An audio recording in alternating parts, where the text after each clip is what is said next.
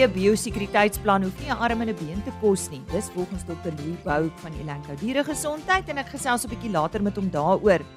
Dan gaan kuier ons ook in die Bonnievale omgewing. Eleto Wines, 'n swart bemagtigingsonderneming, het met sy eerste wyn 'n dubbel goud in 'n internasionale wynkompetisie losgeslaan.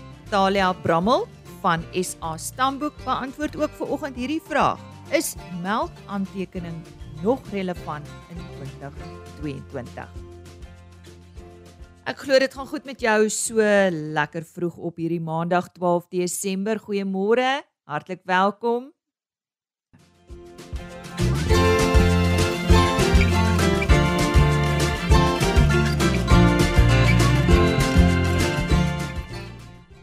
Is melkaantekening nog relevant in 2022? Talia Brammelt, tegniese adviseur by SA Stamboek, het uh, onlangs by ons in die ateljee kom kuier om hierdie en ander vrae oor hierdie onderwerp te beantwoord. Ag, dankie en dankie dat ek hier kan wees. Dit is altyd lekker. Ehm um, ja, so dis 'n goeie vraag en ehm um, ek dink die ding is ons sien tegnologie verander. Ons is in 2022 amper in 2023 en die goeders verander en nuwe goeders kom by en 'n mens wil relevant bly. Maar die ding is, ehm um, ek het gaan bietjie gaan dink en 'n bietjie gaan navorsing doen om te sien Hoe lyk die wêreld ehm um, trends en goeders in verband hiermee? En as ons sien dat ehm um, die lande waar ons ons semen invoer, het ek spesifiek na daai lande gaan kyk.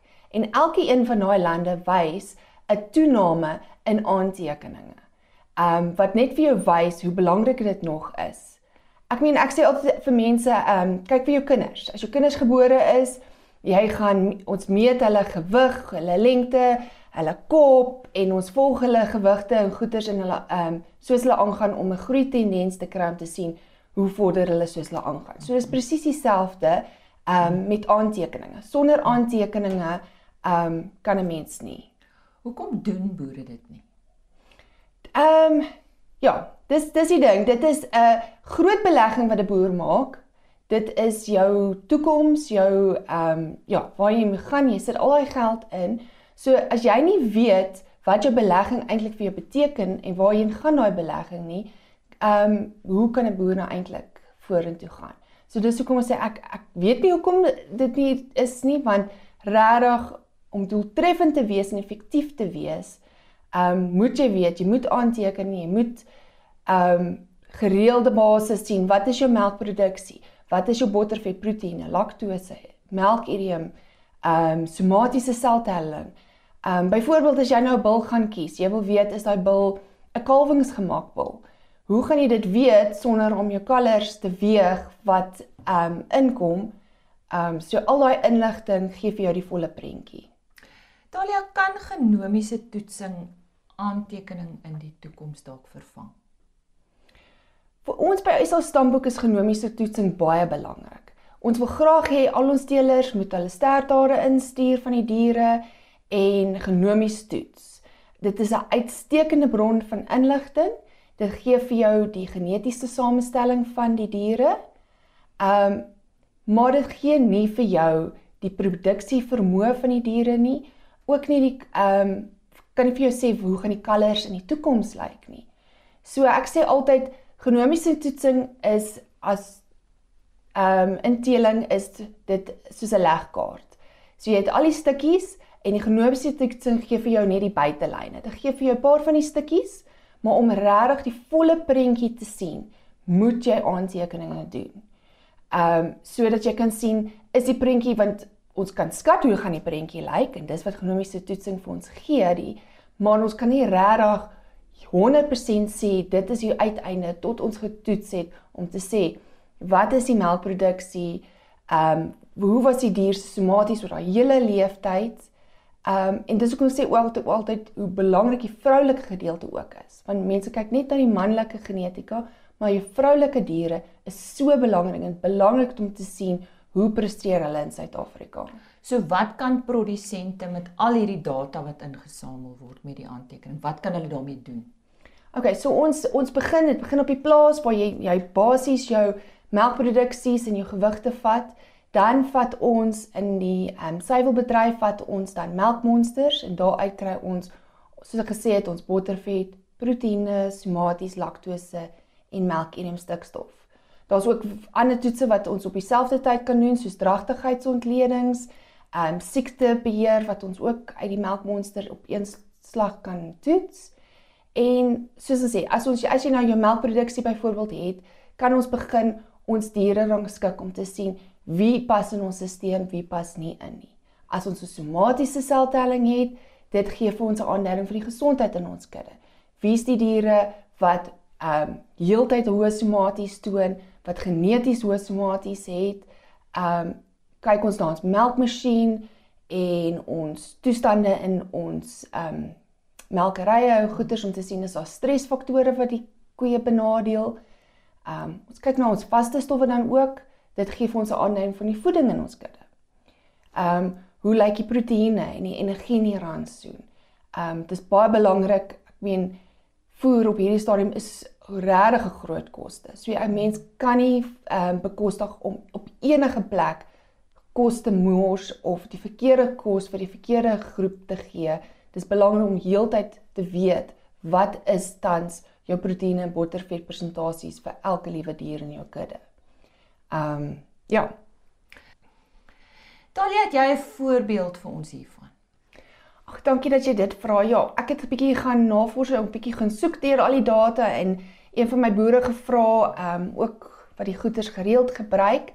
Ehm um, so ek het hierso vir ons 'n voorbeeld van 'n koe wat genomies getoets is. Maar sy is ook in die melkaansekerheidsstelsel, so sy toets elke maand. So hierso sal jy gaan kyk, ons het ek het al haar syfers hier gewys, maar ons fokus spesifiek op somatiese seltelling. Ehm um, ons sal sien haar ma se somatiese seltelling, se teelwaarde was 12.8. Met 'n somatiese teelwaarde wil jy altyd negatief hê. Um, want jy wil jou somaties so laag as moontlik hê. Um, die pa het 'n somatiese teelwaarde gehad van 23. Toe sien die dier ook genomies getoets Sy het ook teelwaardes, maar nou is dit genomies verrykte teelwaardes en haar somatiese teelwaardes het toe uitgekom 13.7 wat nog baie hoog is. Ehm um, so nou kan jy sê okay, ons het 'n hoë somatiese genetiese dier. Ehm um, maar hoe akkuraat is dit regtig? Toe ons gaan toe ek nou weer ook gaan kyk op die melkaantekeningssyfers en jy kan daarso mooi sien dat Februarie het sy 1.9 miljoen somaties gestaan. Ehm um, September en Oktober was hy oor 300 000 en nou in November is hy amper 700 000. So hierdie kudde kudde tans het ehm, 'n um, gemiddelde somaties oor die hele kudde vir so net oor die 200 000 met 'n mediaan van 69 000. So dis eintlik 'n regtig goeie somatiese kudde en so staan sy uit as 'n probleem somatiese koe maar dit kon ons optel met die melkaantekening en die genomiese toetsing en saam weet jy die die data wat jy het is akkurate data en so kan jy vorentoe haar behandel. Ek het daar gesels met Talia Brammel, sy is tegniese adviseur vir SA Stamboek. As jy nou eers ingeskakel het, goeiemôre. Jy luister na RSG Landbou. Baie welkom.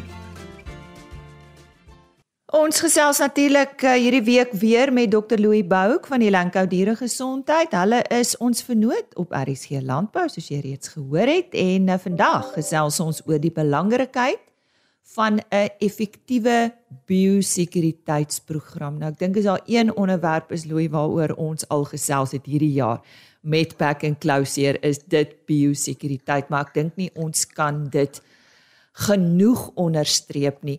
Louis, goeiemôre. Hoekom moet elke boer seker maak dat hy of sy klem op die biosekuriteit van hulle plaas lê?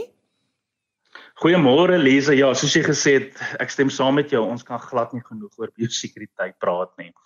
En uh um net om dit in konteks te stel, dink ek is altyd goed om na die definisie van biosekuriteit te kyk en as mens die die die Griekse woord um bios wat die begin van biosekuriteit is, verwys dit dan na lewe, en en en en dan het jy sekuriteit wat effektiewelik na beskerming kyk. So as ons dink in die konteks van biosekuriteit, dan is dit effektiewelik die beskerming van lewe en enige aksies wat daai boer doen om dit te doen om om daai lewe van daai dier te beskerm.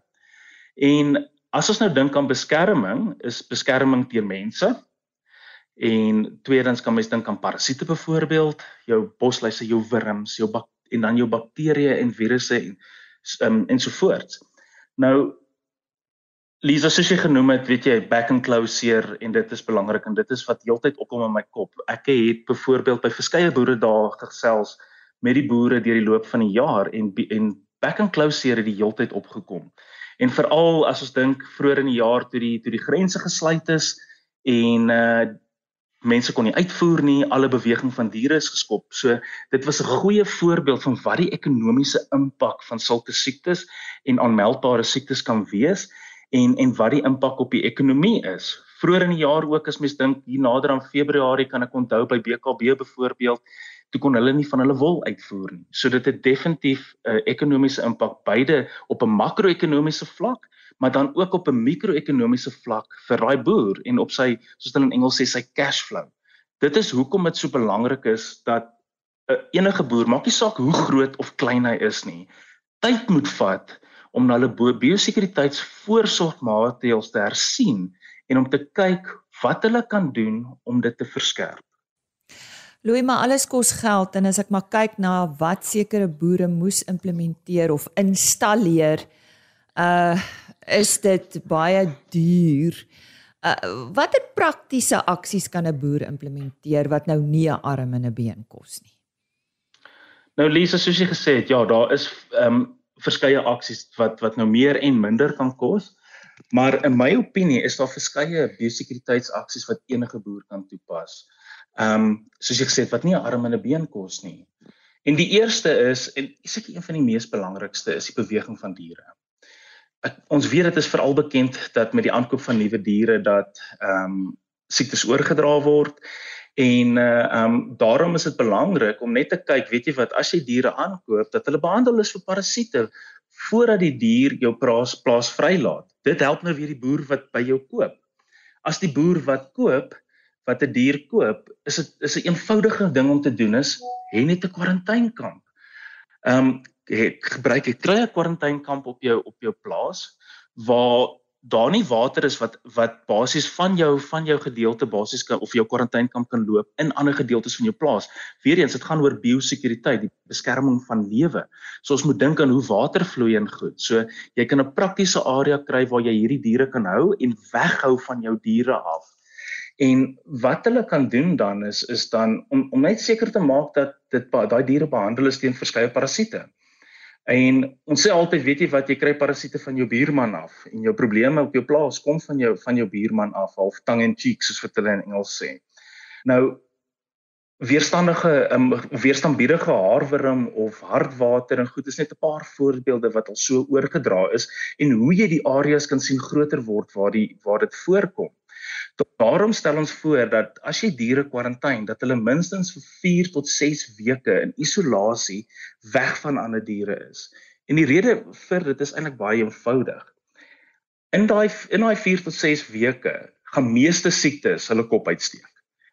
En sodoende kan jy dan behandel daarvoor en en en dit gee jou ook genoeg tyd om om vir verskeie siektes te toets en om seker te maak dat daai diere ingeënt word teen daai siektes en dan vir ander siektes wat jy getoets het om om te behandel. En dit is waar jou veearts inkom, werk saam met jou veearts om 'n goeie, hoe kan ek sê, ehm um, kwarantynsprogram in te werk om om jou diere te beskerm.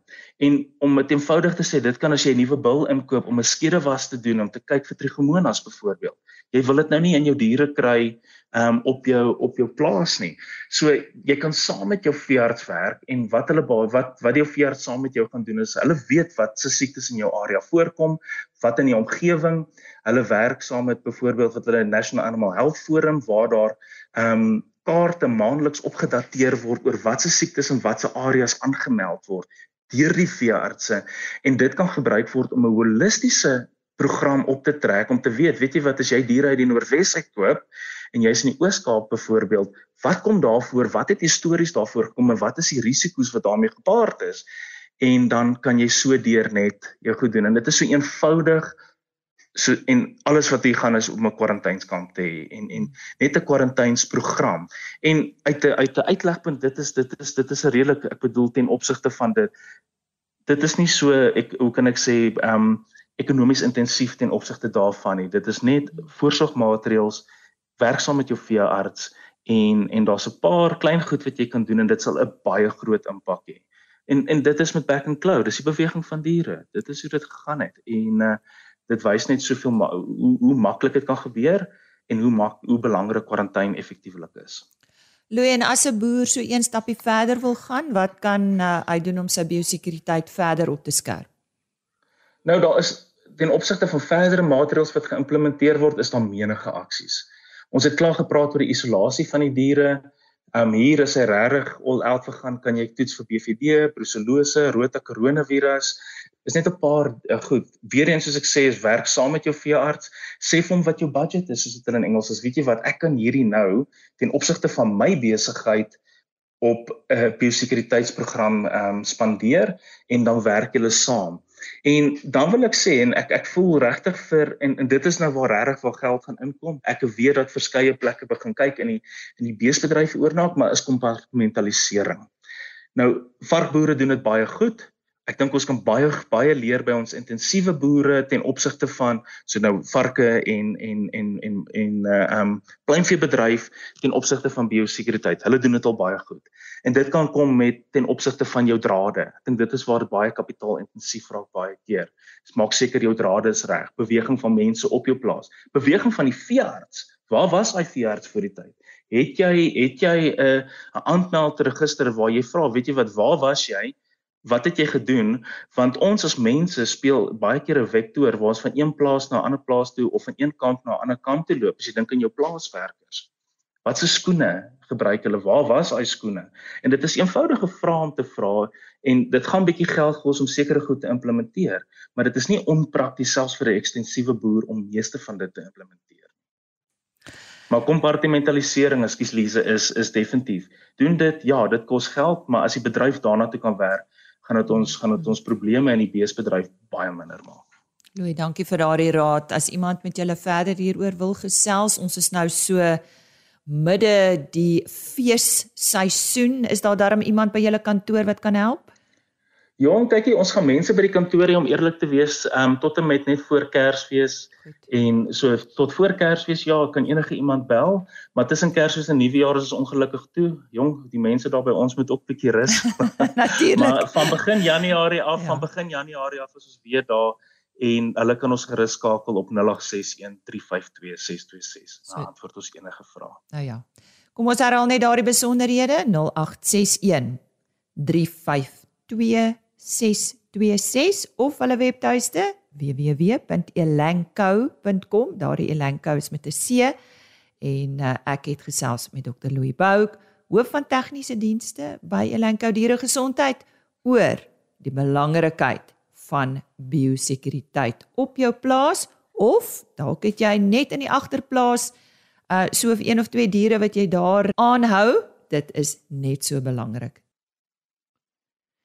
Iletu Wines, 'n swart bemagtigingsonderneming van die Bonnievale omgewing, het met sy eerste wyn, 'n Cabernet Sauvignon, 'n dubbelgoud onderskeiding in 'n internasionale wynkompetisie losgeslaan. Dit was die Gilbert en Gaylord International Challenge en die wyn het 91 uit 100 behaal. Kristen Johnson, bestuurder van Iletu Wines en ook die wynmaker Christopher Philander sluit nou by my aan om uh, oor hierdie prestasie te gesels. Kristen, vertel ons meer van Ileto. Dis nou 'n mooi naam. Ileto, ja, Ileto is 'n um, 'n swart bemagtigingsplaas um, hier in Bonnievale area en um, dit was die droom van Bonnievale Wynkelder en hulle lede om vir hulle werkers 'n projek te stig om hulle te bemagtig So hierdie projek het in 2007 begin waar ehm um, die plaas die geleentheid gehad het om te tender om die plaas te ontvang by die munisipaliteit. En na hierdie tydsame proses is die Leto toe gekies om ehm um, die Leto te die plaas te ontvang. En ehm um, in daai tyd was daar niks op die plaas nie. So ehm um, dit is 'n 62 hektaar plaas en op hierdie huidige oomblik staan ons op 'n uh, 24 hektaar in produserende wingerd en plaas wat nou self bestuur word deur die begunstigdes. En dan die naam Ileto is ook gekies deur die begunstigdes. Ons bestaan uit 33 begunstigdes en die naam Ileto beteken um it is ours. So dit is ons en so um ek dink dit is net 'n goeie beskrywing van die trotsheid agter dit dat um dis iets wat ons in is. So ja, dis Ileto. Christopher, so hoe werk wyn maak vir Ileto? Ek bedoel uh, julle het almal seker ook ander werk? Ja, eerstens ehm um, das word regte rye geselekteer wat behandel word op die plaas self en ehm um, Ileto is 'n lidproduserende ehm um, wat by Bonnewick Keller drywe lewer. So hulle maak by Bonnewick Keller drywe lewer. So voor die tyd word daar diepe beplanning gedoen vir die, vir die dag wanneer die drywe inkom sodat ons as wynmakers in die Keller minder drywe dag inneem sodat die begunstigdes almal in sy het op die aflei van die drywe. Ehm um, die werkers, die begunstigdes help almal met die by die aflei proses, verwerkingsproses en ek as wynmaker hanteer die fermentasie gedeelte tot wanneer die beginsels weer help met die verouderingsproses wanneer ons die wyn in die vate sit. Maar wanneer doen julle dit? Is dit ook tydens normale werksure of moet julle naweke wyn maak? Ja, dit dit gebeur gedurende kantoorure waar ons vir 3 ure dit doen en dan is ek hands-on naweke uh, van maandag tot maandag as ek dan by die kelder om al die proses te te, uh, te beëindig. Wat is julle fokus? Wat produseer julle? Wel, ehm um, op die oomblik is hoewel ons het gesien dat ons Cabernet veral in ons wyne word was altyd geselekteer vir hoë waarde ehm um, projekte of of hoë hoë waarde kopers en dis waar die idee gekom het dat ons gesien het maar Ileto kan ook 'n uh, 'n uh, ultra premier wyn ehm um, produseer. So op die oomblik het ons begin by ons sterkste en ehm um, dit is ons droom ons wil ook nie te groot gaan nie. Ons wil dit ook ehm um, ons wil dit ook hou dat dit e-, eksklusief is, maar die droom is om later ons het nou Cabernet wat nou in drag kom. Ehm um, en ons het Chardonnay wat ook in drag kom. So om te kyk wat is daai kwaliteit en dan miskien later ehm um, 'n witwyn ook by die reeks te sit en miskien nou nog 'n wyn later, maar dit is eers ons ons fokus op die eind op op op die huidige stadium om dit meer eksklusief te hou, ja. Hoe voel julle oor hierdie toekenning?